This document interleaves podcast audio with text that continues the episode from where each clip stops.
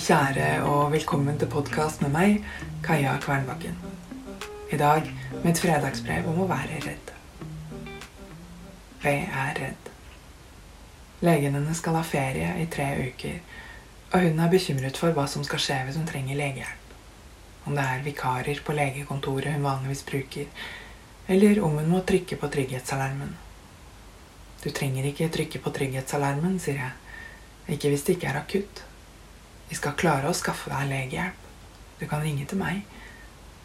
Hun fikler med den lille plastknappen som henger rundt halsen. Så begynner hun å snakke om plasteret hun bruker for å dempe smerten i beina. Hun lurer på hva som kommer til å skje hvis det slutter å funke. Legen hennes har sagt at hun ikke får sterkere plaster. Jeg tror at legen mente at hun ikke får sterkere plaster så lenge det hun bruker nå, funker.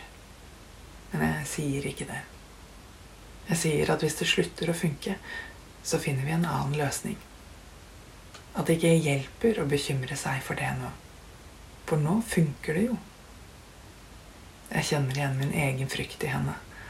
Forsøket på å forutse alt som kan gå galt, og ha en plan for det. Selv om det kan hende at ingenting kommer til å gå galt.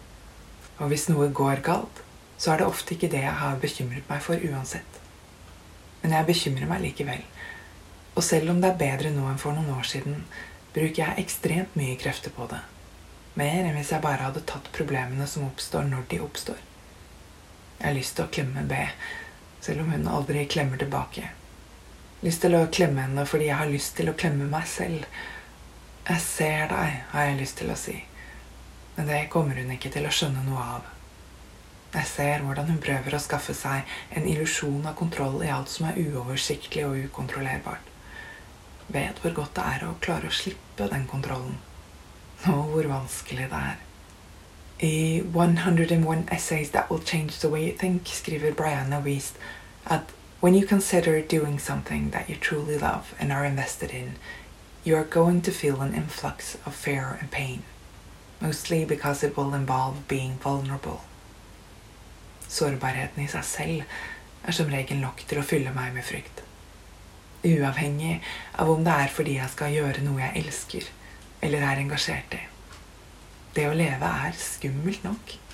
Kanskje fordi jeg virkelig elsker å leve, og at alt føles så skjørt og overveldende. B er 49 år eldre enn meg. Hun er skjørere enn meg. Jeg skjønner at hun er redd. Men jeg skulle ønske jeg kunne ta frykten fra henne at hun ikke trengte å bruke den siste tiden hun har på bekymring. Men jeg kan ikke det.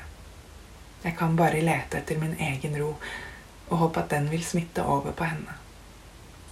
Måtte du finne din egen ro og se klart hva frykten din prøver å vise deg. I kjærlighet. Din Kaja. Forresten, setter du pris på denne podkasten? Klikk på lenken i episodebeskrivelsen for å støtte den med et lite beløp, og del episoden med andre du tror vil sette pris på den. Det setter jeg pris på. Vi høres.